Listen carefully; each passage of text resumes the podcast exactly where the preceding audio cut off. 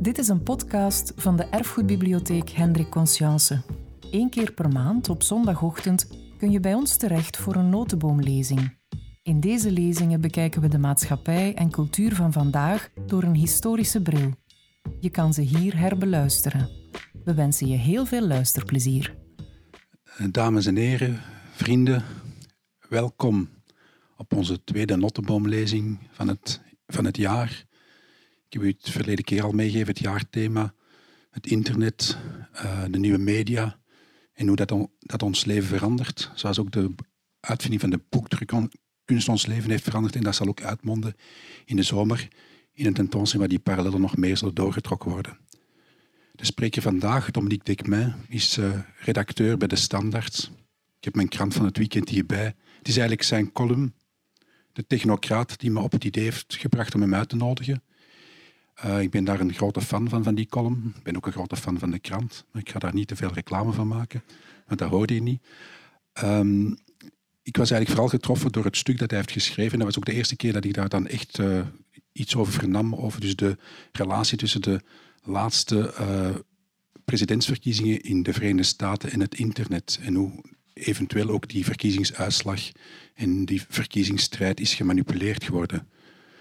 In de krant van het weekend staat er ook een hallucinant stukje over um, zogezegd grappige video's over de holocaust onder andere, waar dan miljoenen kijkers naar, naar kijken en waar op een beetje wrange manier wordt gelachen met, met de holocaust en uh, op, waar mensen worden betaald om, om, om dingen uit te halen. Het, het grenst eigenlijk aan het onmogelijke. Um, er is mij ook al gevraagd vanuit de zaal wat de titel precies betekent. Ik ga je die niet uitleggen voor u. Ik ga vragen dat de spreker dat in mijn plaats wil doen. En wat ik toch ook nog wilde zeggen over de krant van dit weekend. Um, dat Dominique Dekmijn niet alleen zijn column heeft geschreven, maar ook nog drie andere bladzijden, in totaal vier andere bladzijden. Dus als je een beetje zou, laten we zeggen, de alternatieve feiten weergeven, kun je bijna zeggen dat hij de helft van de krant heeft volgeschreven. En vandaag staat hij dan hier in de Notteboomzaal. Ik geef hem graag het woord. Ik zou ook nog willen vragen om u digitale toestelletjes af te zetten om de spreker niet te storen in deze uh, analoge ruimte. Um, en ik wens u veel luisterplezier. Ik dank u. Goedemorgen. Uh, het is een, heel grote eer om hier te mogen staan. Het is ik, midden in de geschiedenis. Het is ook een, heel, heel ironisch om, om te spreken over dit vluchtige medium, het internet, uh, op, op deze plek waar uh, ja, boeken al, al enkele eeuwen staan. Um, ja, het, het, moeilijke was dat ik eigenlijk gevraagd was om, om een beetje te spreken over wat het internet met, met, met onze samenleving aan, aan, het doen is eigenlijk. Want daar ging het om. Opeens hebben we vastgesteld dat, dat die, die Amerikaanse verkiezingen, dat daar iets, iets, iets heel gek is gebeurd. Uh, met eigenlijk ons systeem van democratie en, en massamedia. Alles, alles liep daar een beetje spaak. En uh, ik heb daar toen uh, voor de krant ook een, een, een soort ja, essay-achtig ding over geschreven op het einde van het jaar. Over wat voor een het nare plek het, het internet eigenlijk plots geworden bleek te zijn in, in 2016. En toen dacht ik van, toen ze mij vroegen om hierover te komen spreken, dacht ik van, ja, maar ik ga, ik ga er een positieve draai aan geven. En ik ga eigenlijk vertellen over de hoopvolle elementen die, die we er toch in zien en dat het misschien allemaal nog goed komt.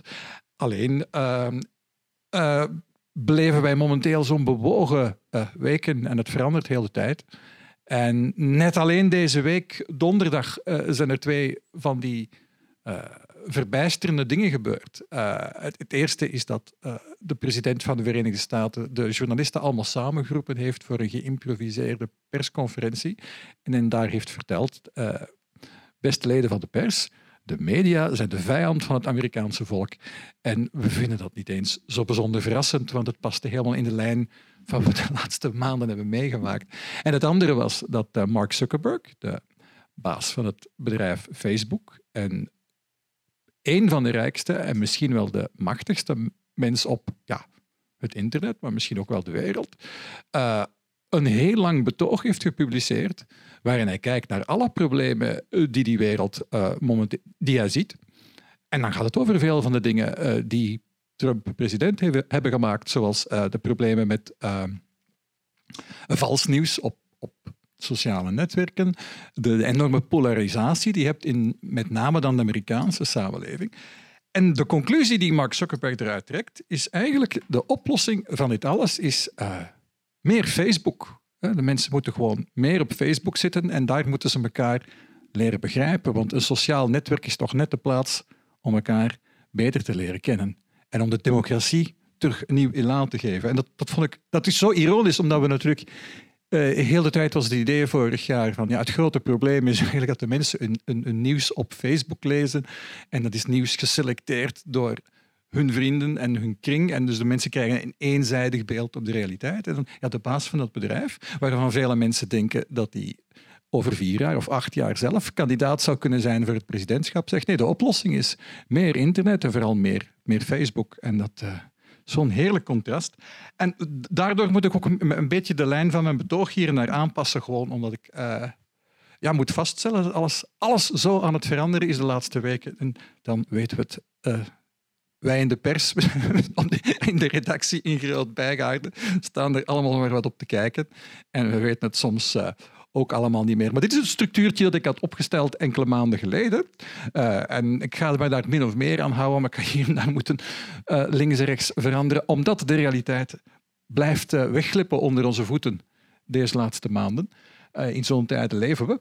Ehm, ik wilde even vertellen over, over vier heel, heel nare dingen die we vorig jaar hadden zien opkomen. En, en, ja, uiteindelijk de periode van de, van de Amerikaanse verkiezingen is, is dat allemaal een beetje wat, meer aandacht gekregen. Maar het zat er allemaal wel al een tijdje aan te komen. En dat ging over uh, fake news, vals nieuws, uh, valse berichten die om een of andere reden plots opduiken op die sociale netwerken, op Facebook, op Twitter.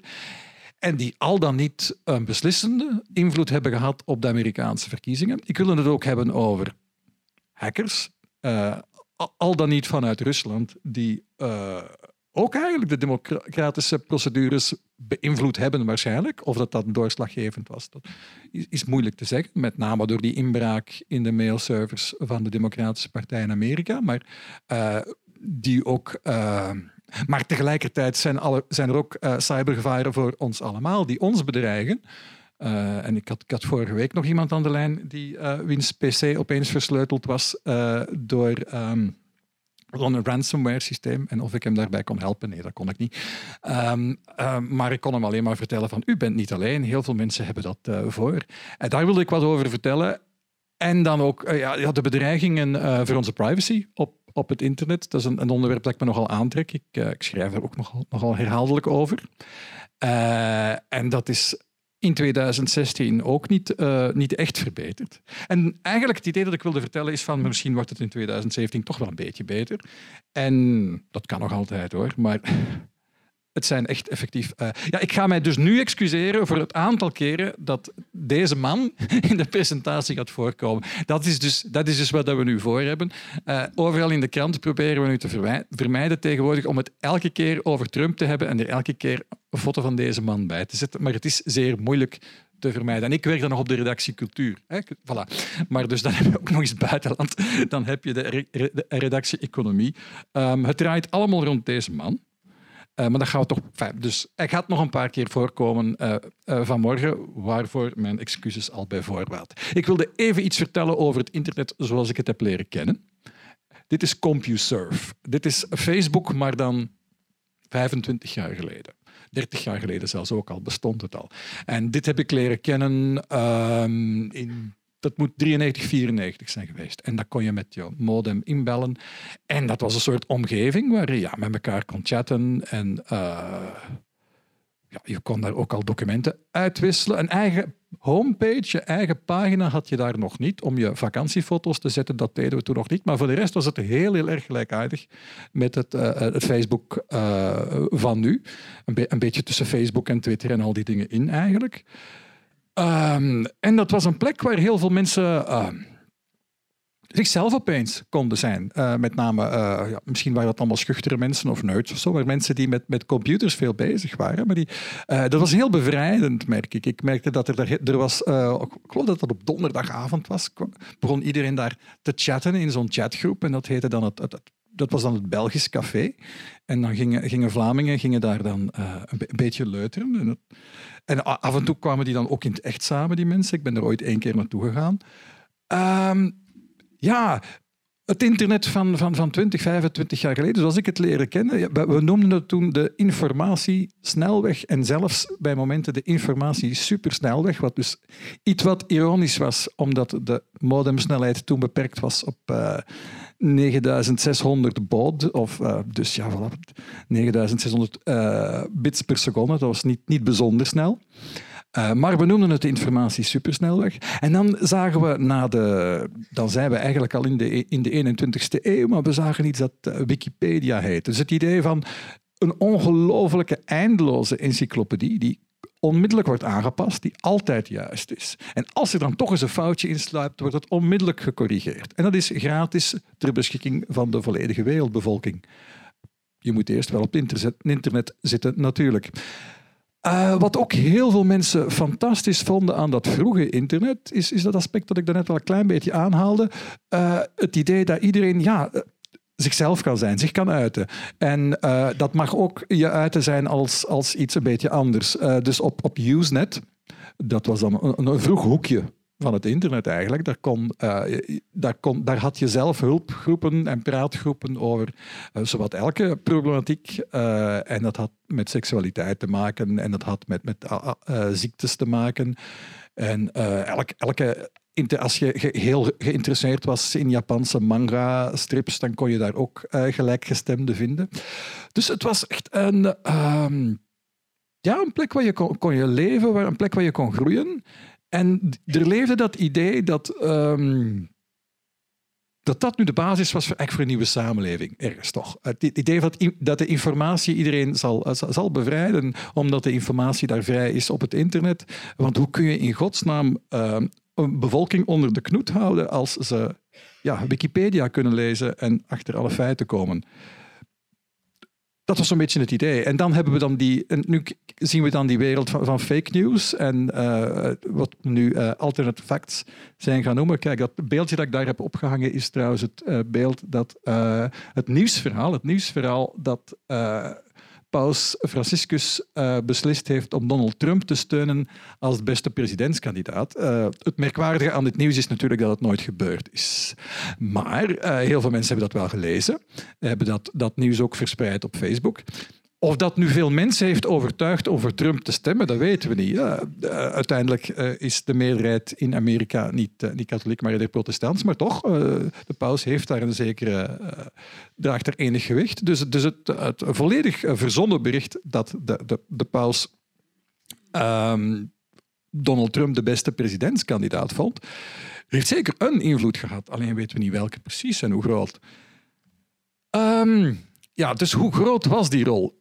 We weten het eigenlijk uh, niet. Uh, dus er komen nu meer onderzoeken uit. En ik, ik, zal, ik zal het simpel zeggen, de onderzoeken gaan in de twee richtingen. Uh, je hebt ondertussen ook wel wetenschappers die concluderen, ja, maar we hebben dat misschien toch wel een klein beetje overdreven. De invloed dat nieuws heeft dat mensen op Facebook zien. Want misschien zien ze het daar eigenlijk helemaal niet. Of maar uit een hoek van hun oog. En misschien vinden ze dat ook helemaal niet zo belangrijk. Um, maar Waarom het zou kunnen gewerkt hebben, is, dit eigenlijk. Um, je hebt uh, dus aan de ene kant zijn er websites opgedoken waarop berichten staan die gewoon vals zijn, verzonnen zijn. Uh, en als je op die websites komt, zie je het, kun je het met een beetje moeite nog zien. Maar als die berichten doorgepost worden in die wereld van Facebook, zie je dat eigenlijk niet meer. Een bericht dat afkomstig is van. Um, uh, de standaard, zal er quasi hetzelfde uitzien als een bericht dat afkomstig is van een of andere extreme blog of bijvoorbeeld uh, van een, totaal uh, verzonnen krant die niet bestaat. Um, en het enige verschil is dan eventueel, als je dat nog weet, de merknaam de standaard, als je die, als je die kent. Um, dus voor zover het al moeilijk is op het internet het verschil te maken tussen, tussen een betrouwbare bron van informatie en een onbetrouwbare, eenmaal dat je die informatie doorpubliceert op Facebook, wordt dat onderscheid nog kleiner. En dat is, dit is het, verschil, dit contrast met dat idee dat we dus eigenlijk enkele jaren nog alleen, geleden nog maar hadden van ja, op het internet komt de waarheid altijd boven, was het idee. Want iemand zal dat op Wikipedia toch wel even corrigeren, zeker als er een fout staat. Dat was het idee. Hè? En dat blijkt dan toch helemaal niet meer te kloppen. Uh, dit is, het is ook zo'n bericht Uh, en die heeft zeker, uh, zeker invloed gehad. Dit gaat over een FBI-agent die onderzoek was aan het doen naar de e-mails van Hillary Clinton en die plots uh, zelfmoord zou hebben gepleegd in verdachte omstandigheden. Ehm, daar zijn twee dingen merkwaardig aan. De eerste is dat dat zich niet heeft voorgedaan. Het is niet gebeurd. Uh, het andere is dat de Denver Guardian, de nieuwssite waar dit bericht uh, op staat, niet bestaat. Er is geen Denver Guardian en die heeft nooit bestaan. Maar het klinkt wel aannemelijk dat er in Denver een lokale krant zou zijn die de Denver Guardian heet, maar er is, die is er niet. Dus dit, die website... Uh, maar je moet toch al 10, 15 minuten op de website van de Denver Guardian doorklikken om te beseffen dat er toch verdacht weinig andere nieuwsartikels op die website staan, dat er geen straatadres is, geen telefoonnummer van de redactie dat je kunt bellen. Maar dit is een volledig... Dit, dit is niet fake news, dit is een fake news site. Uh, waarvan we eigenlijk ook nooit precies weten waarom ze zijn opgezet. En dat die informatie begint nu wel door te sijpelen. Dus veel van die websites blijken dan uh, opgezet te zijn vanuit Macedonië, omdat men daar, daar gewoon een uh, broodwinning heeft ingevonden.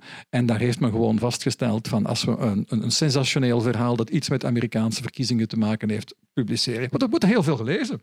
Uh, en dat is goed, want we zetten er dan Google-advertenties bij en dat levert dan per klik misschien, ja, we spreken over 1, 2 centimen per klik op, maar als je dan mensen echt heel enthousiast krijgt, dat ze het allemaal beginnen delen op Facebook, kun je toch rap, rap uh, een miljoen mensen daarop laten doorklikken. En ja, dat, maar een, miljoen keer één cent begint al aan te tikken. Kun je al, kun je al een paar duizend euro verdienen. En voor zo'n jonge lui, want dat waren was jonge lui, jongens van 17, 18 jaar in Macedonië, die een beetje Engels konden, uh, vaak niet, niet eens zo heel veel Engels. Dat, uh, dat is een mooie bron van inkomsten. En uh, ja, hoe gek kan dat dan worden? We, weten, we zullen pas echt. Kan nog wel, misschien, misschien weten we binnen een paar jaar zeker welke invloed dat heeft gehad op de verkiezingen. Heeft dat nu net het waren nipte verkiezingen. Heeft dat nu net het verschil gemaakt, ja of nee? En misschien gaan we dat ooit weten. Uh, en ik zou het op dit moment zeker niet kunnen zeggen. Het heeft invloed gehad, maar kan die doorslaggevend zijn geweest? Dat weet je niet. Uh, wel interessant uh, is, is ja, of, merkwaardig was het moment dat er dan iemand met een geweer in de hand een restaurant in Washington is binnengestapt om daar uh, en uh, eiste naar, door te kunnen lopen naar de kelder, want vanuit die kelder werd een pedofilie-netwerk gerund door Hillary Clinton. Want dat had hij, dat had hij gelezen. Dat stond in het nieuws. ja. En uh, voilà, dat is zonder slachtoffers geëindigd. En, maar die man had effectief. Die was gewoon diep geschokt om te vernemen uit de media, dat vanuit de kelders van dat pizza-restaurant in Washington een pedofiel netwerk werd gerund door Hillary Clinton. En die wouden natuurlijk een einde aan maken. Enfin ja. Uh, dus dat is ongeveer gekker dan dat was het vorig jaar niet geworden. Maar uh, ja, dit is dus uh, de woordvoerster van uh, Kellyanne Conway van, uh, van, van Donald Trump. En zij heeft dus uh, onlangs de term alternative facts geïntroduceerd. En ja, wat, wat, ik wilde zeggen is van waar zijn we gekomen van, van de momenten dat we dachten fake news, we lezen allemaal valse berichten op, op Facebook. Hè. Dat was de analyse die, die men daar in november van heeft gemaakt. Dat heeft misschien de, de verkiezingen beïnvloed ramp. Wat gaan we nu doen? Wat gaan we er nu aan beginnen? En dan wilde ik even... Wat mijn bedoeling was dan te zeggen van het is allemaal... Er is al heel wat verbeterd. En dat is eigenlijk ook wel zo, maar dan was het deze week toch weer aan het schuiven. Dus ik ga, ik ga mijn betoog een beetje, zoals ik terwijl ik ga, een beetje aanpassen uh, versus de, de versie in de slides. Maar dus eerst heeft deze man, uh, Mark Zuckerberg, gezegd van dat is toch flauwekul ja, ja, er staat wel eens een nieuwsbericht op, op Facebook, maar dat, dat daar is het toch helemaal niet te doen op Facebook. We zitten, we zitten, uh, mensen zitten daar gewoon met elkaar te praten. En ja, er zit wel eens iets politiek bij. Maar het idee dat dat invloed zou kunnen hebben op de verkiezingen is pretty crazy, zei. Hoe kom je erbij? Hoe kom je erbij dat uh, voilà, valse berichten lezen over pedofiele netwerken gerund door presidentskandidaten, dat dat invloed zou kunnen hebben op de verkiezingen? Um, maar op dat moment tegelijkertijd begon hij heel veel afstand, deze man, ook heel veel afstand te nemen van alles wat met politieke verslaggeving te maken heeft. Hij voelt het is een hete aardappel en hij probeert er afstand van te nemen. Nu, op de Amerikaanse versie van Facebook, dat, dat zien wij niet, had, had je, heb je nog steeds, of heb je nu opnieuw, een, een soort uh, Dat, dat heet trending news. Dus een lijstje van welke nieuwsberichten worden op dit moment het meest gelezen. Um, bij ons heeft Twitter dat ook, trending top. Ik weet niet of er hier twitteraars in de zaal zitten, maar Twitter heeft dat ook, maar Facebook heeft dat in Amerika. Ze hebben, bij ons dat nooit gedaan. Maar er was een, soort, een soort rangschikking van wat zijn nu op dit moment de, meest, de berichten die het meest gelezen worden. Dat stond daar niet als, als equivalent voor een nieuwsuitzending. Dat stond daar eigenlijk om mensen aan te moedigen van dan uh, die berichten te lezen en zelf ook te delen, want dan wordt er meer geklikt op Facebook, blijven langer hangen op Facebook en zo, en zo werkt Facebook. Daar verdienen, ze, daar verdienen ze dan hun geld aan en dat, dat mag best wel. Maar op dat moment heeft, uh, heeft uh, Zuckerberg dus plots alle mensen die die trending news, uh, die, die, die, dat lijstje maakten van, van, van, van nieuws, heeft hij ontslagen. Want hij had natuurlijk altijd, hij had altijd gezegd van wij doen dat niet, wij, wij zijn helemaal geen nieuwsorganisatie, wij zetten daar helemaal geen nieuwsberichten. Dat is gewoon een, is gewoon een programma, dat is, dat is, iets automatisch. Het is een algoritme. Uh, dat was niet waar, want het algoritme, hij had geen algoritme dat dat kon doen, dat is bijzonder moeilijk. Het waren mensen die het deden. Maar hij heeft ze dan heel snel ontslagen en proberen te vervangen door door een computerprogramma omdat hij dan kon afstand nemen van die nieuwsberichten. Zeggen van, ik heb er niks mee te maken. En effectief, het zou wel eens kunnen dat daar een vals nieuwsbericht tussen, tussen staat, maar ja, dat zijn wij niet. En dat kan ons algoritme niet zien. Nu, sindsdien is hij dan heel snel beginnen draaien. En dus uh, in 13 november had hij al, al, enkele dagen na de verkiezingen had hij dan gezegd van we gaan er toch iets, iets aan moeten doen. Um, en hij heeft, maar uiteindelijk heeft hij toen de hete patat doorgeschoven aan anderen. Uh, en hij heeft dan in de eerste plaats gezegd van kijk, als iedereen vals nieuws ziet op Facebook, iets dat zeker niet waar is en misleidend is, dat ze dat dan gewoon onmiddellijk rapporteren. En als dan heel veel mensen hetzelfde verhaal rapporteren, dan gaat het dan automatisch doorgestuurd worden naar andere mensen die niet bij, niet bij Facebook werken, die aan fact-checking gaan doen. Dat zijn onder andere mensen, geloof van, van Associated Press, maar ook van een, gespecialiseerde website, Snopes, die dan, die dan toch al fact-checking deden op het internet. En dus heeft hij het eigenlijk doorgeschoven aan de ene kant de lezers en aan de andere kant mensen die graag fact-checking doen, om maar te zeggen, wij zijn daar eigenlijk zelf niet mee bezig. Maar dat verhaal is dus nu eigenlijk uh, helemaal veranderd. Daar kom ik dan direct op, want hij heeft net uh, uh, ik zal er nu al iets, iets over vertellen. Dus, dus uh, donderdag, maar we hebben het eigenlijk pas vrijdagmorgen gelezen, uh, heeft de heer Zuckerberg dan een, een brief aan de wereld uh, gestuurd, waarin hij eigenlijk vaststelt dat wij op de wereld elkaar niet meer begrijpen en dat er zoveel ja, uh, misverstanden zijn. Polarisatie, dat is natuurlijk iets dat we vooral in Amerika zien. Twee, twee helften van de bevolking die amper dezelfde taal spreken, die een andere realiteit zien in hun media, die geen enkel gemeenschappelijk punt meer hebben um, om naar te kijken. En hij stelt dan vast dat er eigenlijk maar één oplossing voor is, en dat is uh, meer Facebook. En ja, iedereen heeft dat nu vrijdag zitten lezen. En ik heb er ook een stukje over uh, geschreven in de krant uh, van gisteren. En ja, dit is, het, betreft, het betreft een slimme man. Hè? Mark Zuckerberg is een, een slimme jonge man, is 32 jaar, is een van de rijkste mensen op de wereld. En die zegt eigenlijk van, ik ga gewoon... Uh, eigenlijk, eigenlijk mijn doel met dit bedrijf is eigenlijk een betere wereld maken. En dat is, uh, ja, dat tegelijkertijd um, heel sympathiek en ook, en ook heel verontrustend. Omdat die man uh, een enorme invloed heeft op, op wat we doen. Ik, las onlangs in de cijfers van, van de Digimeter, een studie van, van iMinds en Universiteit Gent, dat iets van 40, 45 procent van de, van de Vlamingen een uur of meer, ik denk dat 45 procent was, een uur of meer per dag op Facebook zit. Dus dat is, dat is een flink gedeelte van onze tijd. En dus, dus deze man bepaalt voor een flink stuk wat, dat, we zien en lezen doorheen de dag. Niet alleen over onze vrienden, maar ook over, over de realiteit rond ons. Um, dus wat stond er dan concreet in dat document? Wel, eigenlijk um, dat hij wil dat op Facebook dat we niet alleen meer praten met ons, uh, onze vrienden en familieleden, maar dat we meer gemeenschappen gaan vormen. En hij wil bijvoorbeeld uh, dat de politici daar meer op Facebook in direct contact staan met hun, uh, met hun kiezers, want daar is dat toch een fantastisch platform voor uh, om over politiek te praten. En hij wil tegelijk ook dat vals nieuws, dat fake news probleem wil aanpakken, maar dat hij wil eh, vooral vermijden om daar journalist op in te zetten, want dan zou men hem ervan kunnen beschuldigen een medium te zijn. En hij probeert altijd af te houden. Nee, nee ik ben, ik ben, wij zijn geen krant, wij zijn geen medium, wij zijn daar niet mee bezig. Um, dat, dat, blijft hij volhouden. Hij zegt, we gaan, we gaan artificiële intelligentie gebruiken, hè, getrainde algoritmes, neurale netwerken heet dat. Uh, en die zullen, die zullen het verschil maken tussen wat echt nieuws en vals nieuws is. En die zullen mensen waarschuwen van ja, dit bericht, er zijn toch heel veel mensen die zeggen dat het eigenlijk niet waar is.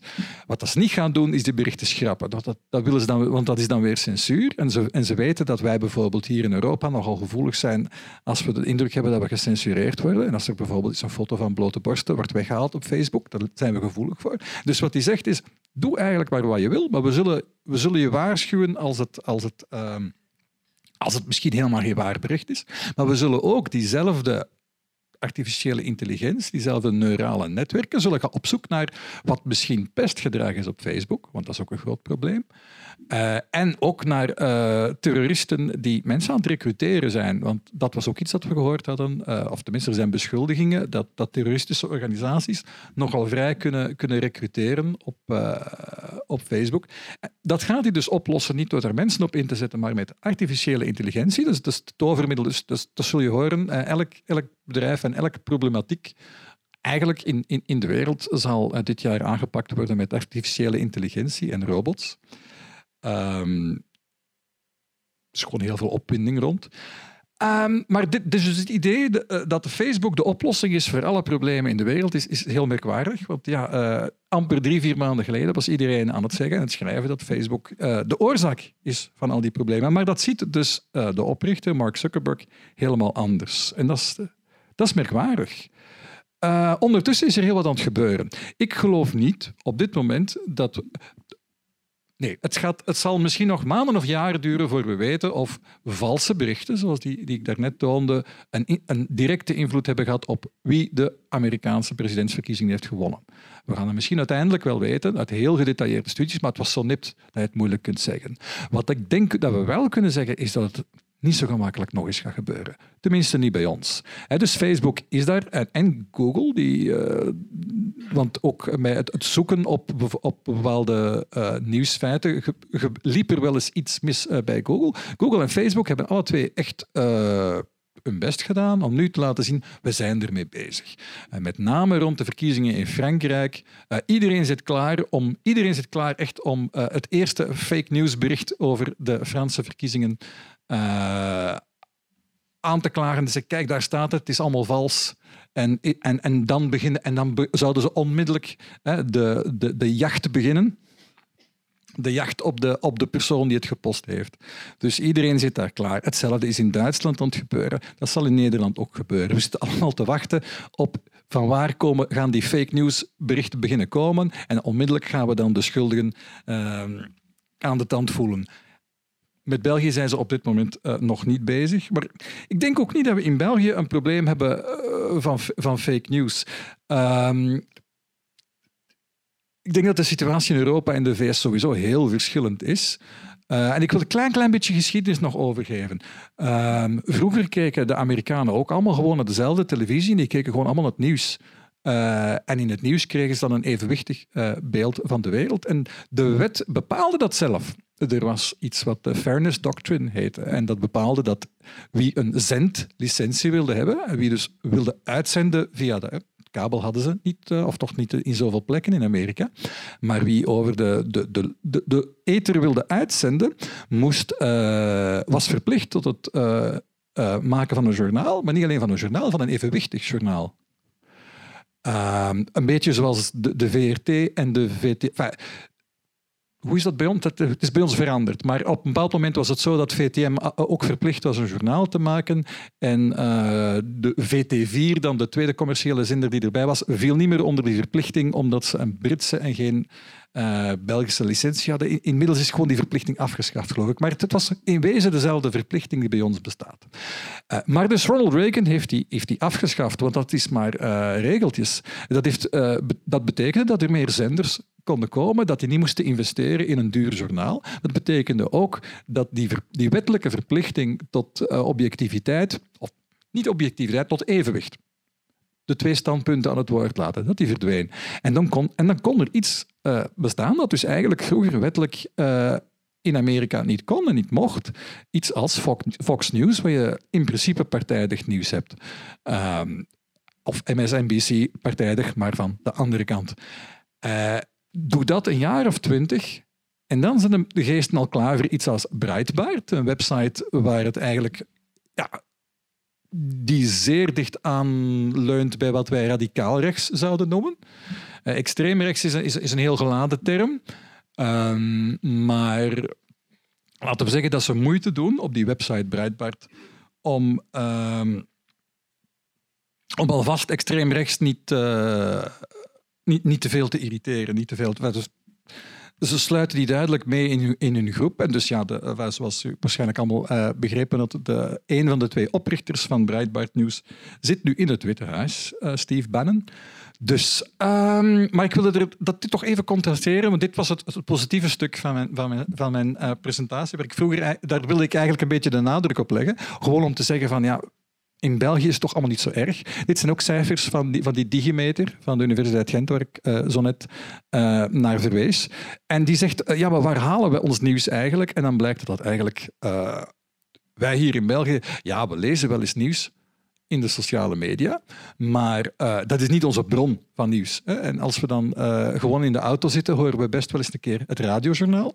En dus eigenlijk de dit ging over, wacht, dit is de, digitale nieuwsbronnen. Dus eigenlijk, niet, niet, eigenlijk de volgende slide uh, waar ik wilde komen. Deze is dat, uh, dat eigenlijk 60% uh, of 61% van ons eh, regelmatig, dagelijks, is een keer radionieuws horen. En dus um, een nieuwsbericht op je smartphone zitten, dat scoort maar 40% sowieso. En dan ben je nog niet bezig over uh, of dat nieuws dan op een officiële website is van een krant of ergens op de sociale media. Het is zelfs zo dat je je gaat afvragen hoe slagen zo weinig mensen erin om die nieuwsberichten op een, uh, op een sociaal netwerk te zien. Uh, want er staan er eigenlijk best wel. maar daar zijn we toch ik denk niet, zeker wij hier in België, niet zo erg mee bezig met nieuws lezen op Facebook. Dus ik denk dat het probleem bij ons niet in die mate heeft bestaan, zolang als we allemaal bijvoorbeeld naar het VRT-journaal eh, of dat van VTM kijken. Want het, uh, wat dat je ook zelden zult zien, is dat het eh, VRT-journaal en dat van de VTM elkaar letterlijk tegenspreken. Dat, dat, dat hebben we gewoon niet. En op het moment dat, ja, dat twee nieuwsuitzendingen elkaar letterlijk tegenspelen, wordt alles heel, heel snel relatief. Maar ondertussen, hè, dus, fake, dus wat ik net vertelde, is fake news is in grote mate aangepakt, technologisch, onder andere door Facebook. En hier in Europa heeft men het zelfs kunnen voorkomen voor het echt invloed kan hebben op verkiezingen. Ik denk dat ik denk dat, dat wel kan. Maar wat is er ondertussen gebeurd? de term fake news is iets helemaal anders gaan betekenen. Uh, namelijk, deze man gebruikt uh, het woord ongeveer uh, dagelijks in zijn tweets. En wat fake news, hij heeft dat eigenlijk dat begrip helemaal omgekeerd. Hij zegt, je hebt allemaal al maanden horen zeggen dat opgepast met fake news, opgepast met fake news. Wel, fake news, wat is dat? Dat is de New York Times en CNN. Overal kan fake news zitten. En iedereen zegt van ja, ja, we hebben dat inderdaad gehoord van alles over fake news. Ja, dat hebben we inderdaad gehoord. Ah bon, dus ook op de New York Times kan overal fake news zitten. Je mag niks vertrouwen. En die operatie is, voor zover wij kunnen vaststellen, volledig gelukt. De term fake news betekent nu iets anders. In plaats van dat het betekent van blijf bij de betrouwbare media, want daar op Facebook zie je het verschil niet. Daar zitten valse berichten die komen van websites uit Macedonië. Nee, Donald Trump en zijn mensen hebben volledig omgekeerd dat begrip. De waarschuwing is: vertrouw niks, vertrouw niemand. Het kan allemaal fake news zijn. Bijvoorbeeld, dit is een uh, dit is op de website van Breitbart, dat we dus eigenlijk kunnen noemen de, de website van Trumps achterban. Een, een nieuwssite. Uh, en die roepen, kijk, fake news. Het is niet waar dat Neil Gorsuch, de kandidaat van uh, Trump voor het uh, opperste gerechtshof, het Supreme Court, dat hij in een fascistische club zat. Wat dat zij bedoelen is, er is ergens een journalist opgespoord dat die man uh, bij, bij een, een, een, iets wat verdachte uh, studentenclub was. Klinkt niet goed, maar onmiddellijk gebruikt uh, Breitbart dan de term fake news daarvoor. Dus elk, elk iets wat ongenuanceerd, elke nuance in een nieuwsartikel waar je het niet mee eens bent, volstaat om te zeggen het is fake news. Kijk, het is er ook weer één. het is overal. Het fake news is overal. Je kan niks vertrouwen. Je kan niemand vertrouwen. En als toch alle, alle werkelijkheid relatief is en alle mensen elkaar tegenspreken en overal fake news kan zetten, dan kun je evengoed gewoon ja, de, de Twitter-feed van Trump uh, lezen, want daar staat een alternatieve versie van de feiten. Alternative facts uh, noemen ze dat nu. Want je, uiteindelijk kies, kies je, je kunt alleen maar zelf kiezen wie je gelooft. Want er is geen objectieve bron van werkelijkheid meer. En ja, die is er voor een stuk niet meer, omdat Ronald Reagan die in 1987 heeft afgeschaft. Het, het idee van objectief nieuws, dat een wettelijke verplichting was, bestond niet meer. En 30 jaar later krijg je dan misschien dit. Uh, dit is um, het, echt, het echt het meest verontrustende van de laatste weken. Het is geloof ik twee, twee weken geleden uitgekomen. Dus die, die studie van Edelman Trust. En dus die zegt dat uh, ondertussen, dit ging over vertrouwen overal in de wereld trouwens, in de media. Maar zegt dat van de Trump-aanhangers, de mensen die voor Trump uh, gestemd hebben, 15% van hen op dit moment zegt dat zij vertrouwen in de media. En, meer, het ging, ze maten ook wel hoeveel heeft vertrouwen in het parlement, in, in de regering dat zo, en in andere instituten. Uh, maar dus op het moment van de verkiezingen had je 21% van de Trump-aanhangers die de pers uh, vertrouwt. Hè? Dus, of we zeggen, uh, vier op vijf Trump-kiezers vertrouwden de media niet, vertrouwden niet wat ze over Trump lazen in de media. Uh, nu is dat nog maar 15%. Dat wil dus zeggen dat al, alle negatieve dingen die nu over Trump verschijnen, bijvoorbeeld het feit dat het een totale chaos is in de regering, dat uh, 85% 85 van zijn, van zijn kiezers dat niet lezen, niet geloven.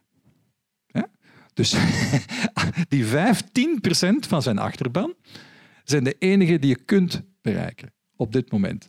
Al de rest kun je niet bereiken. Die geloven ons, de pers, niet. En wat is er deze week dus ook gebeurd? Ronald Reagan, eh, over reken geweest daarnet. Eh, Donald Trump roept de pers samen in een zaaltje en verklaart, uh, donderdag, het is maar drie dagen geleden, verklaart aan de verzamelde pers, beste mensen, de, de, de, de media zijn de vijand van het Amerikaanse volk. En ja, voilà. De, dat, gaat, bijzonder ver. En um, dus waar we het over hebben, is dat, is dat je in Amerika nu in een, in, een wereld zit waar er geen bron van werkelijkheid meer is, geen objectieve werkelijkheid. Dat is wat dat dat begrip post-truth, dat, dat de laatste maanden uh, circuleert, dat is wat het echt uh, betekent. En ik denk dat we dat hier bij ons niet zien. Er zijn wel objectieve bronnen van werkelijkheid. Zijn feiten waar we het allemaal over eens zijn. Maar in de VS is dat een situatie die over uh, 30 jaar eigenlijk, hè, misschien meer gegroeid is. En ja, ik zou kunnen zeggen, van het, is, het is vooral zaak dat we dat bij ons niet laten groeien. Dat, dat er altijd een, een, objectieve bron van werkelijkheid blijft. En dat, uh, dat mogen dan van mijn part de kwaliteitskranten bijvoorbeeld zijn. Je zult bijvoorbeeld ook heel zelden zien dat de standaard en de morgen elkaar letterlijk tegenspreken. Het gebeurt wel en mag ook. Uh, maar er is zoiets als objectieve werkelijkheid. Dus dat was eigenlijk de positieve boodschap die in, uh, deze, deze, voor, uh, in, in, deze presentatie eigenlijk oorspronkelijk zat. Is van, ten eerste, het was een, een, tijdelijk probleem. Het was ook, een, ook meer een Amerikaans probleem. En het zit, we hebben dat niet in dezelfde mate bij ons. Um, maar zoals ik u onder, onderweg aan het vertellen was, het is toch een beetje ingewikkelder dan dat, juist omdat ja, alles voortdurend aan het veranderen is uh, de laatste weken. Ik ga ook, uh, maar dat ga ik dan een klein beetje korter doen, een, beetje vertellen over die andere duistere dingen die ik op, uh, op het internet gezien heb de laatste, de laatste um, maanden. Dus ja, la, laten we het even hebben over de rol van hackers. het gaat hier opnieuw over dingen die we niet weten, maar nu net deze week uiteindelijk. Um, is dat weer aan het schuiven gegaan. Want dus met de veiligheidsadviseur van, van uh, Trump, Flynn, die, die ontslag moest nemen, omdat blijkt dat hij, ongeoorloofde contacten had gehad uh, met Rusland. Uh, zijn er nu heel wat mensen, vooral nog republikeinen, maar er zijn toch ook al een paar democraten die een onderzoek eisen om te zien wat er nu precies gebeurd is tijdens de verkiezingscampagne in Amerika. Hè, wat we weten is dat Donald Trump een aantal dat je het goed kan vinden met Vladimir Poetin, dat weten we. Dat, dat hij daar wel eens een keer sympathieke dingen over zegt, dat weten we. Ehm, wat we. En aan de andere kant weten we vrijwel zeker, ik zou niet zeggen absoluut zeker, maar vrijwel zeker, dat uh, het Russische hackers waren waarschijnlijk in opdracht van de geheime diensten, de FSB in Rusland, die ingebroken hebben op de servers van de Democratische Partij en daar e-mails hebben uh, gestolen en gepubliceerd, die relatief negatief overkwamen uh, en die, laten we zeggen, democratische uh, kiezers uh, ontmoedigd hebben om voor, om voor Clinton te stemmen. Heeft dat het verschil gemaakt? Opnieuw, dat, dat soort onderzoek duurt wel wat langer en we gaan, het zal lang misschien gaan we nooit helemaal zeker weten hoe groot de rol van die Russische hackers geweest is uh, in de verkiezingen. Wat we ook niet precies weten is wat de uh, bedoeling was. Dus volgens dat rapport dat de FBI erover enkele weken geleden heeft gepubliceerd, die hebben die operatie dan een, een, naam gegeven, Grizzly Steppy. En van het moment dat je, dat je zo'n operatie een naam geeft, en dat weten die mensen van de FBI ook, van het moment dat je het een naam geeft, wordt het uh, een heleboel, eh, ja, het wordt, het wordt, veel tastbaarder en griezeliger. En je krijgt in, ineens de, het idee dat het best wel een bo bozaardig doel moet hebben gehad en, en, een heel specifiek doel. Maar we weten niet wat dat doel is. Hè. Dus uh, dat rapport suggereert eigenlijk dat aanvankelijk de bedoeling was van uh, gewoon een beetje voor verwarring zorgen. Het hele, het hele democratische proces in Amerika in discrediet brengen. Want ja, opnieuw dan ook, wordt ook, ook berichten over Russische problemen met de, Russische democratie worden dan heel, heel uh, relatief opeens. Want ja, in Amerika uh, in Amerika is de democratische procedure dan ook een beetje, besmeurd. Het is gewoon een beetje besmeuren van het proces. Maar geleidelijk aan zou men dan hebben aan de Russische kant ingezien dat het best wel... Uh, ten eerste dat ze de wapens in handen hadden. ze hadden dan uh, overal een beetje zitten rondhakken en ze hadden die e-mails in handen. Zeggen van kijk, als we nu het een duwtje geven in die richting en Trump wint, winnen we op een of andere manier. Winnen we dan omdat Amerika een slechte, een zwakke president heeft of omdat hij bijvoorbeeld de, de annexatie van de Krim gaat, uh, gaat uh, accepteren? Of gaat het gewoon ja, om een algemeen gevoel van ja, een beetje chaos in Amerika komt dus goed uit? Dat soort dingen weten we niet. En uh, dus de vraag is nu of dat er een onderzoek gaat komen daarnaar. En in, in onze eigen krant uh, speculeerde mijn collega Steven de Voerder een beetje op dat dat, ja, wie weet, leidt dat nog tot een, tot een onderzoek dat eventueel tot de impeachment, tot de afzetting van Trump kan leiden. Dat weten we op dit moment niet. Het kan evengoed helemaal een doodspoor zijn. Ik wilde er even bij zeggen, ook een beetje historisch, um, dat de Verenigde Staten dit over zichzelf hebben afgeroepen. Uh, ik weet niet of iemand zich dat nog herinnert, maar in, in 2010, dus intussen zeven jaar geleden, raakte dus bekend dat um, opeens werd er een virus uh, ontdekt, uh, het Stuxnet-virus, dat, dat op computers overal in de wereld een beetje gevonden werd. En het was niet helemaal duidelijk wat het precies deed. En uiteindelijk bleek dan dat het eigenlijk alleen maar echt werkte, dat virus, als het op bepaalde industriële machines van, van Siemens geraakte. En het, het virus was specifiek geschreven om de uraniumcentrifuges van uh, Iran te saboteren. Die gingen dan zo hard draaien totdat ze, totdat ze kapot gingen. En dat virus is effectief, waarschijnlijk, voor zover we weten, erin geslaagd van het nucleaire uh, programma van Iran jaren achterstand te geven. Uh, dus een bijzonder geslaagde cyberaanval. Die zouden de Verenigde Staten in samenwerking met Israël hebben gedaan. Um, op dat moment is, is men eigenlijk alles rond de, laten we zeggen, de, de cybergevaar dus, uh, anders gaan bekijken. Dus uh, eerst, eerst dacht men eigenlijk van, ja, de, we moeten vooral opletten dat, dat, dat de vijand de hackers, de terroristen, eh, de Russen, de Chinezen, wie dan ook, dat ze niet onze, onze energiecentrales platleggen met hun hackingpraktijken en, en, de water, en de water, uh, het water afsluiten. En dus er was uh, ook bij de, binnen de, na, de NAVO werd er ernstig nagedacht over hoe kunnen we ons voorbereiden op de cyberoorlog, want die gaat er komen. Er komt een cyberoorlog ooit. Hè. De volgende oorlog wordt een cyberoorlog. En nu zien we eigenlijk dat, dat we, ons, we zijn aan het ons beschermen geweest via de NAVO uh, uh, tegen, tegen die, uh, ja, het beschermen van onze basisinfrastructuur. Nu moet ik zeggen dat we specifiek in België daar nog helemaal niet ver in staan.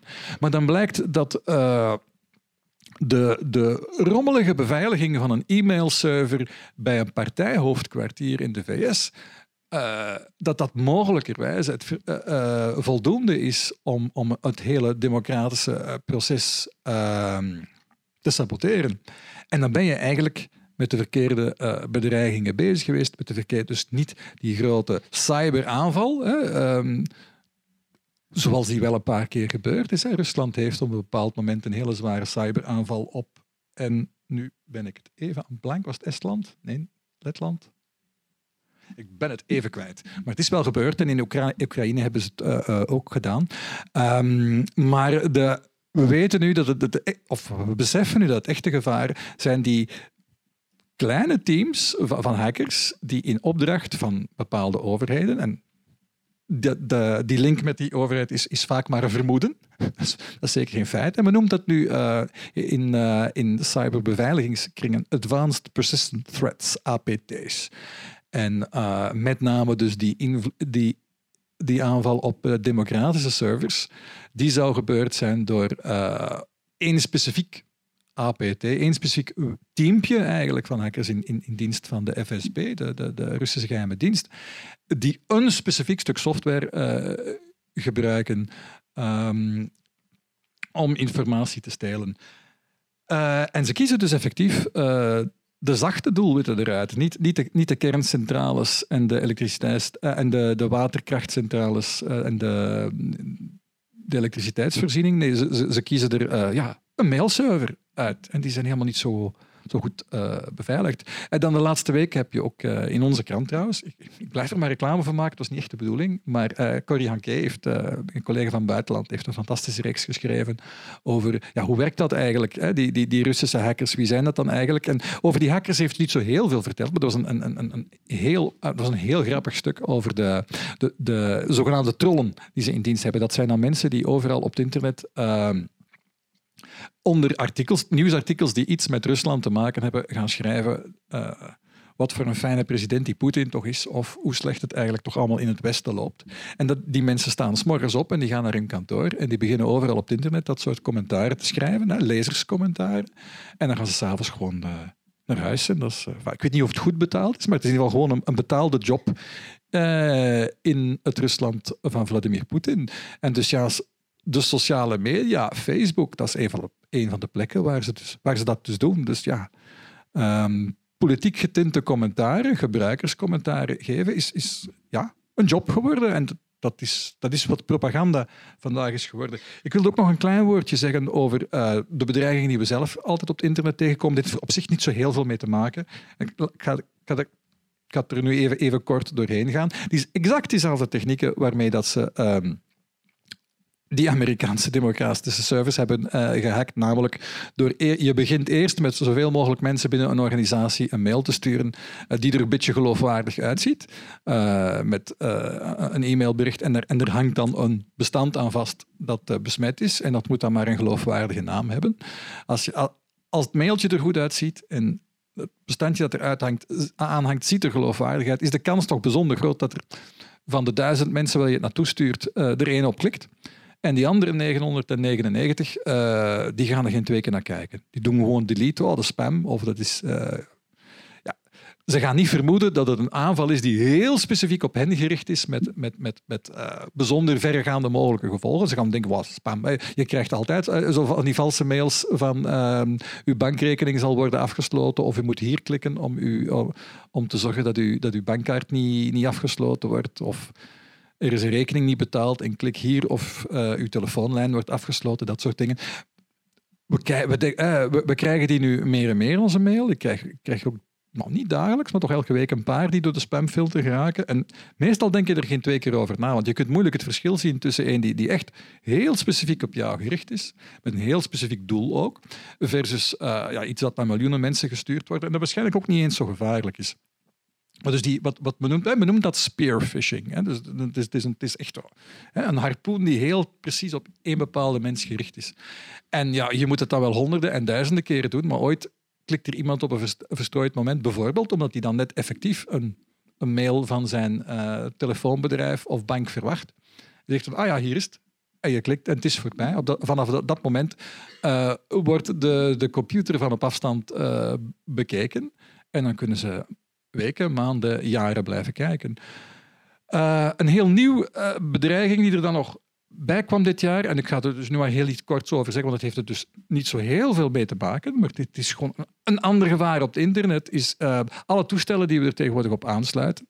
Um, men noemt dat het Internet of Things. Uh, allemaal, we, sluiten meer en meer dingen aan op het internet. En dat zijn dan soms... Uh, de, ja, de, de, grote ironie van, van 2016 was eigenlijk van mensen denken van we gaan ons beveiligen thuis. We zitten gewoon op een beveiligingscamera en we sluiten die, sluiten die aan op het internet. En dan kan ik van op het werk of van op vakantie kijken of er niemand inbreekt. En als er dan beweging is in de kamer, dan slaat de, de camera gaat dan automatisch dat detecteren en signaal sturen. Een beveiligingscamera. Nu blijkt dat ongeveer het meest gevaarlijke dat je kunt doen, is een beveiligingscamera installeren, want die beveiligingscamera zijn niet beveiligd. Dus, dus, er zijn miljoenen beveiligingscamera's uh, gemaakt met een standaard wachtwoord in. En als je dat standaard wachtwoord kent, kan je gewoon komen meekijken. Niet alleen wanneer je zelf weg bent, maar ook wanneer je thuis bent, kan iemand gewoon meekijken. En uh, extra grappig is nu, maar ook wel gevaarlijk, is dat die toestellen, het zijn eigenlijk, daar zit een klein computertje in. Niet omdat een camera een computertje nodig heeft, maar eigenlijk gewoon om het te kunnen op het internet zetten. En die computertjes hebben de neiging, in plaats van dat men naar speciale software verschrijft, gebruikt men software die al bestaat. En die software uh, is vaak het besturingssysteem Linux trouwens. En die, die software kan te veel. Die software is niet bedoeld om alleen maar een camera aan te sturen. Die, software is eigenlijk geschreven voor een hele computer aan te sturen. En, daar en dan blijkt dat je niet alleen zou kunnen meekijken in de camera, maar je kunt die computer ook overnemen. En het merkwaardige fenomeen, dat, dat, waar we eigenlijk sinds september vorig jaar van weten, is dat men dan al die computertjes die ingebouwd zitten in veiligheidscamera's, maar bijvoorbeeld ook in videorecorders, gek genoeg, dat men die kan overnemen en gebruiken als wat men noemt een botnet, als een leger, een virtueel leger, een digitaal leger, om andere doelwitten aan te vallen. En zo is uh, op 21 oktober een flink stuk van het internet. In het, uh, wij hebben daar niet zo'n last van gehad. Sommige websites waren onbereikbaar.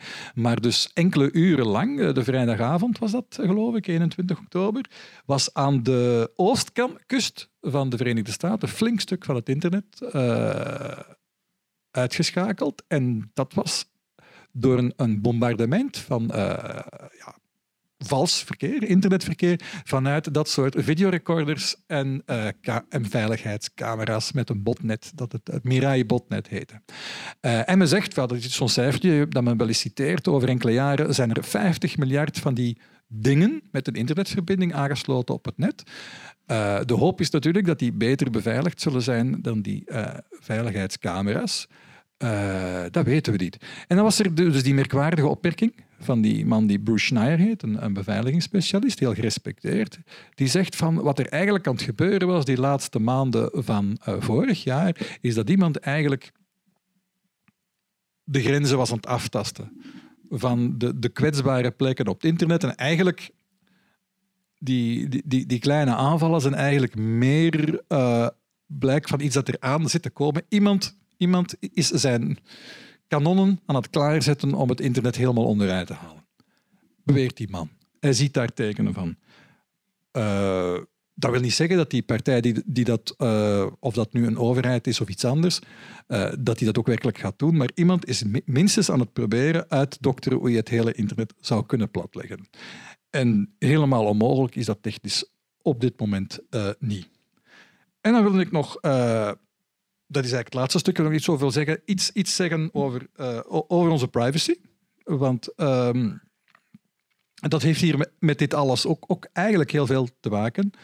Uh, dit, dit is die, die klassieke uh, New Yorker cartoon, die de meeste mensen wel eens ooit gezien hebben op de internet. Nobody knows you're a dog. Dat is een cartoon van 20 jaar geleden. Dus het idee was toen van, ja, je kan gewoon een hond zijn op het internet en dan een, een, een, winkel openen uh, bijvoorbeeld, en niemand weet wie je bent. Die, dat idee van anonimiteit op het internet. En dat was toen de tijd een heel leuke cartoon. En het, het, het merkwaardige aan is dat die toen helemaal juist was. En intussen, twintig jaar later, helemaal verkeerd. Het is net helemaal omgekeerd. op het internet weet iedereen precies wie we zijn en wat we zijn. En dat weten we eigenlijk, precies hoe ver dat gaat, weten we eigenlijk nog maar sinds bijna vier jaar. Deze man, Edward Snowden, uh, die in opdracht van de NSA werkt in Amerika, is toen gevlucht naar Hongkong. Hij zit nu in Rusland. Dat is een beetje ongelukkig dat hij nu in Rusland zit, want dat gaat voor complicaties zorgen de komende maanden. Er is nu ondertussen ook sprake van dat eventueel uh, Poetin hem zou willen uit, uitleveren aan zijn uh, nieuwe goede vriend in Amerika.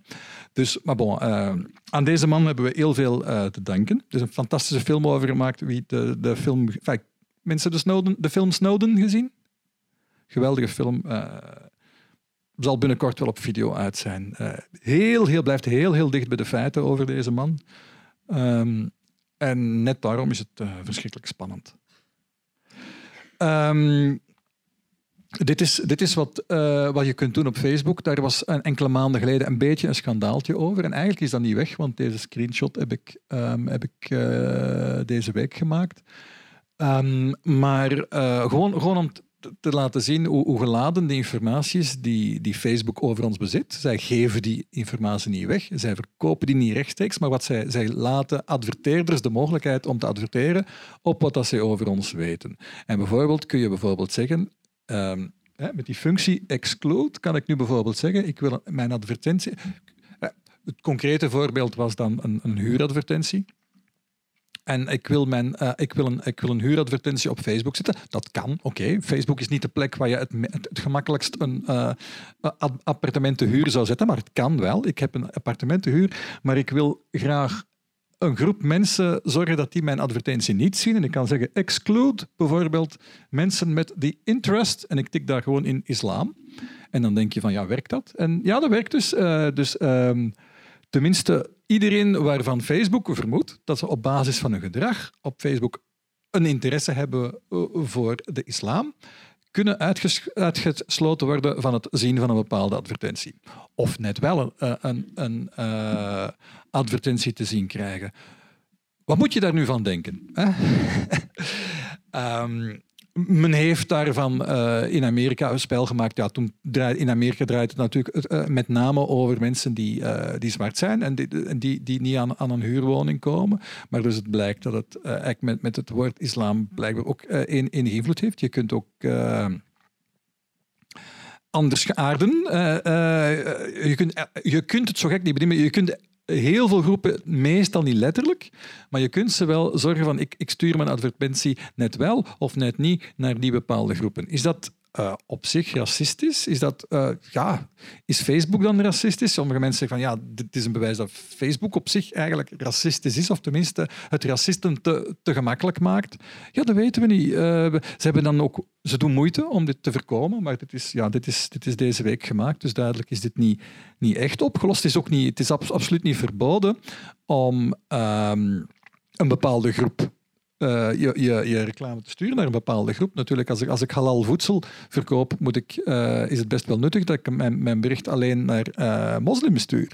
Maar, maar wat je niet wil, is dat, dat die knop exclude daar staat. Je kunt zeggen van ja, maar ik wil deze huuradvertentie net niet naar moslims sturen. Dat zou je niet willen toelaten. Ik denk dat Facebook daar nu mee bezig is, met dat op te lossen. Zij willen dit soort problemen niet echt. wat dat zij in de eerste plaats willen, is heel veel reclame verkopen. Maar wat ze niet willen, is negatieve artikels in de krant over uh, racisme op Facebook. Dat lezen ze ook niet graag. Dus ze gaan er wel iets aan doen. Maar um, het bewijst toch nog maar eens een keer opnieuw um, hoe, machtig en belangrijk uh, Facebook is, hoeveel ze van over ons weten en hoeveel dat zij en daar, was ik eigenlijk mee begonnen vandaag. Hoe, hoeveel dat zij ons beeld van de werkelijkheid zijn gaan bepalen.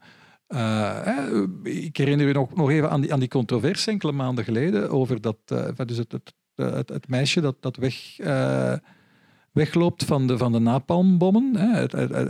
een, een naakt klein Vietnamees meisje. Dus op een bepaald moment hadden de algoritmes, de automatische procedures van Facebook, hadden die foto overal weggehaald.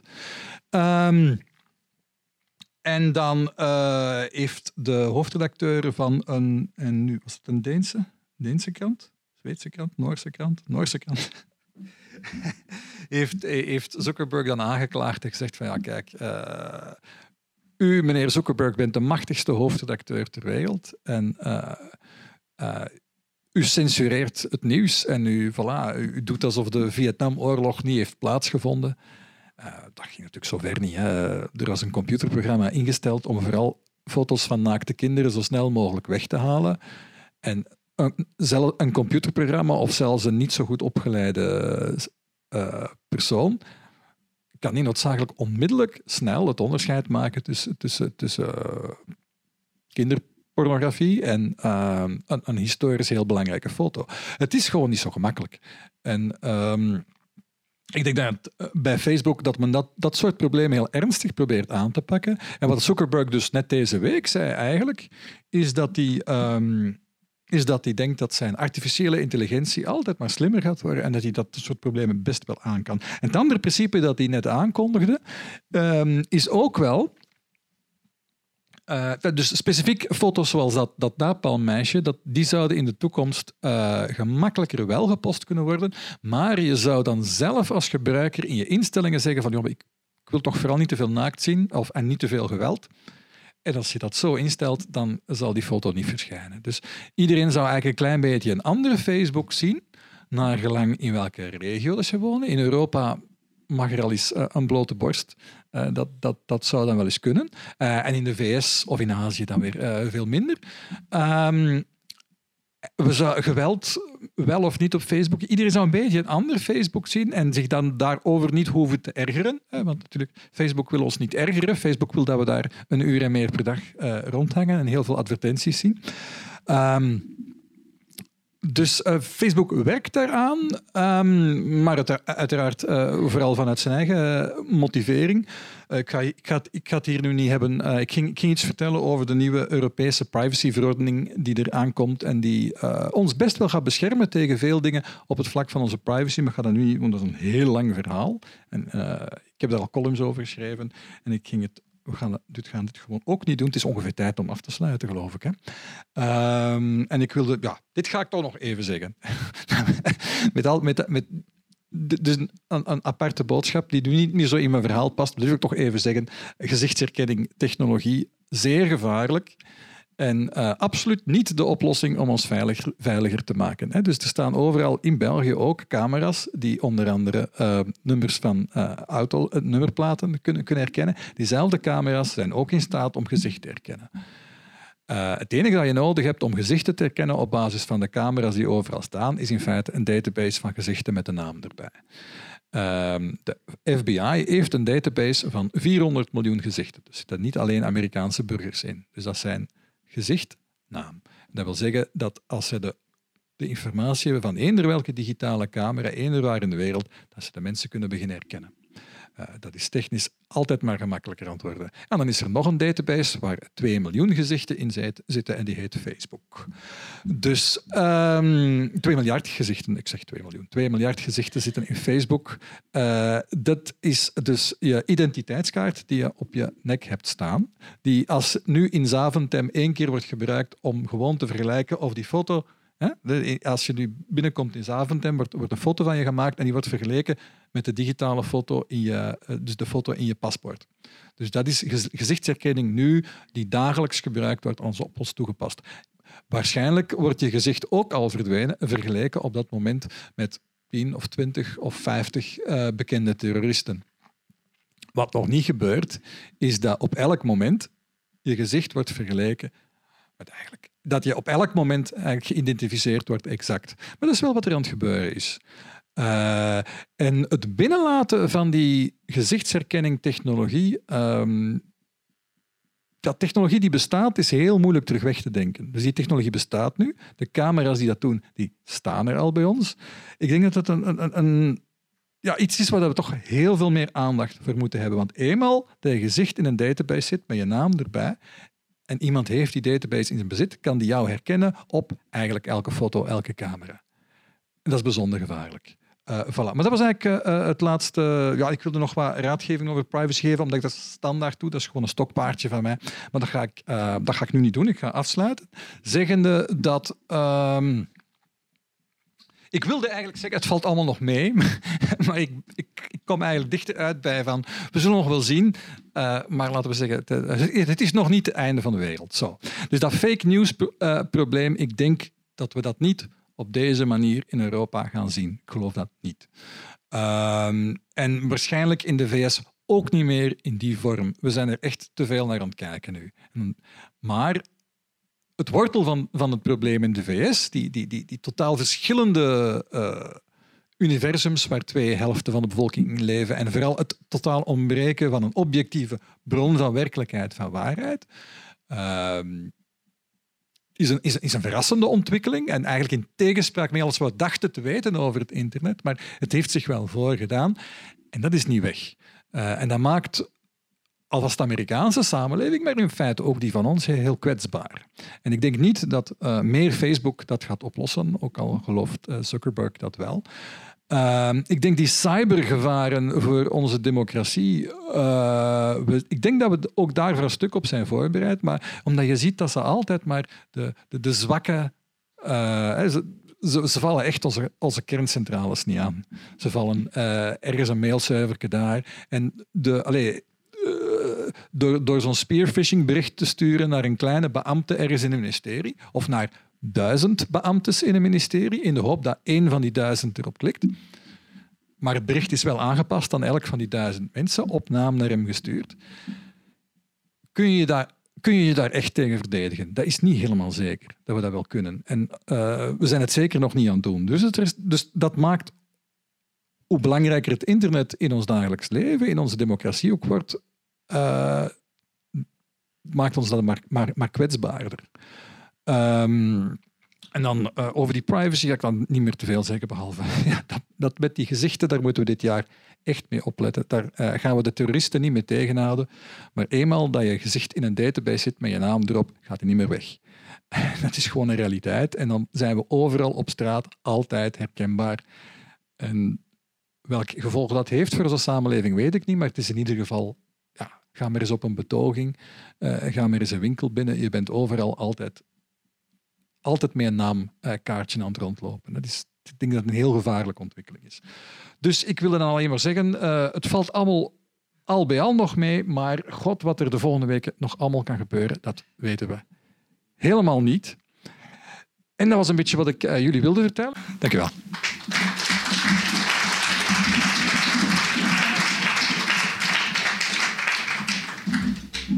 Je luisterde naar een podcast van de Erfgoedbibliotheek Hendrik Conscience. Wil je nog een andere lezing beluisteren? Ga dan naar www.consciencebibliotheek.be-herbeluister.